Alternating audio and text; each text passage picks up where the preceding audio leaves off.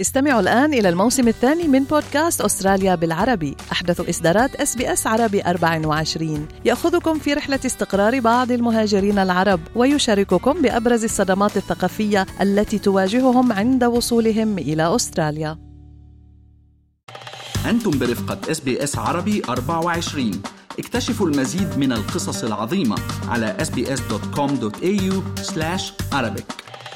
يحتفل الناس بالحب يوم 14 شباط فبراير وتسمى هذه المناسبة عيد الحب أو يوم العشاق أو عيد القديس فالنتاين الذي وكما تقول الرواية تمت معاقبته لأنه قام بتزويج العشاق سرا في القرون القديمة.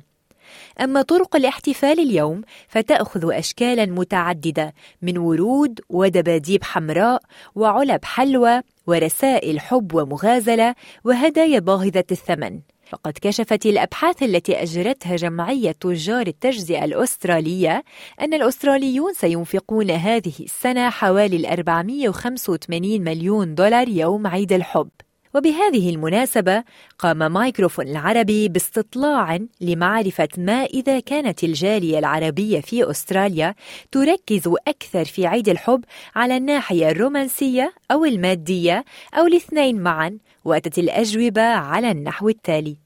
الجانب الرومانسي أكثر بنركز لأنه الرومانسية ما بتروح بس المال بيروح وبيجي بس كمان الواحد حلو يجيب له هدية آه ورد. هو رمز حلو. أنا بالعادة بالحالة العادية بجيب ورد يعني. بس هي تقليد يعني. الواحد حلو يجيب آه لأهله لأصحابه لمرته لبنته. دائما الواحد يحترم عائله ويحبها أو زوجته أو حتى بنته أو حتى أهله.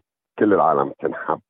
هو ما أنا محصور بالزوجة بس بالأهل والأصدقاء والكل العالم اللي بنعرفه هلأ هو عيد الحب آه، حب. يعني إنه شو ما تقدم لك؟ رح يكون بحب تقدم سواء كان مادي أو معنوي أو آه، هدية يعني مثل عطور ورد كمان حلو كثير أنا بحب الورد بحب العطور كثير بنبسط لما تجيني هدية عطر. آه، بيكون لها ذكرى كثير حلوة. بأي نهار من السنة بنهدى وردة بنبسط عليها.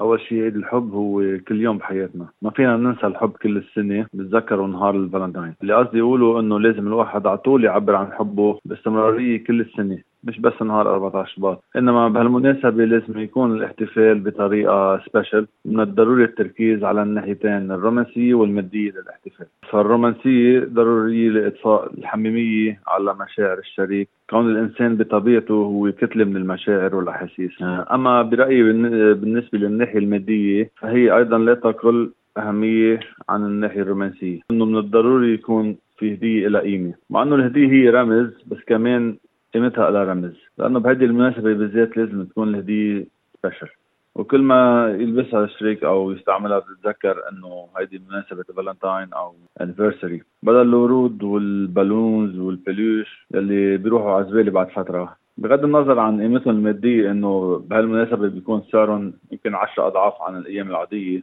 بس أنا بفضل جيب وردة وحدة مثلا مع هدية لها قيمة بدل بوكيه 100 وردة. طبعا بدون المبالغه المفرطة. وكل واحد حسب إمكانياته المادية. وشكرا. كل سنة وأنتم بخير.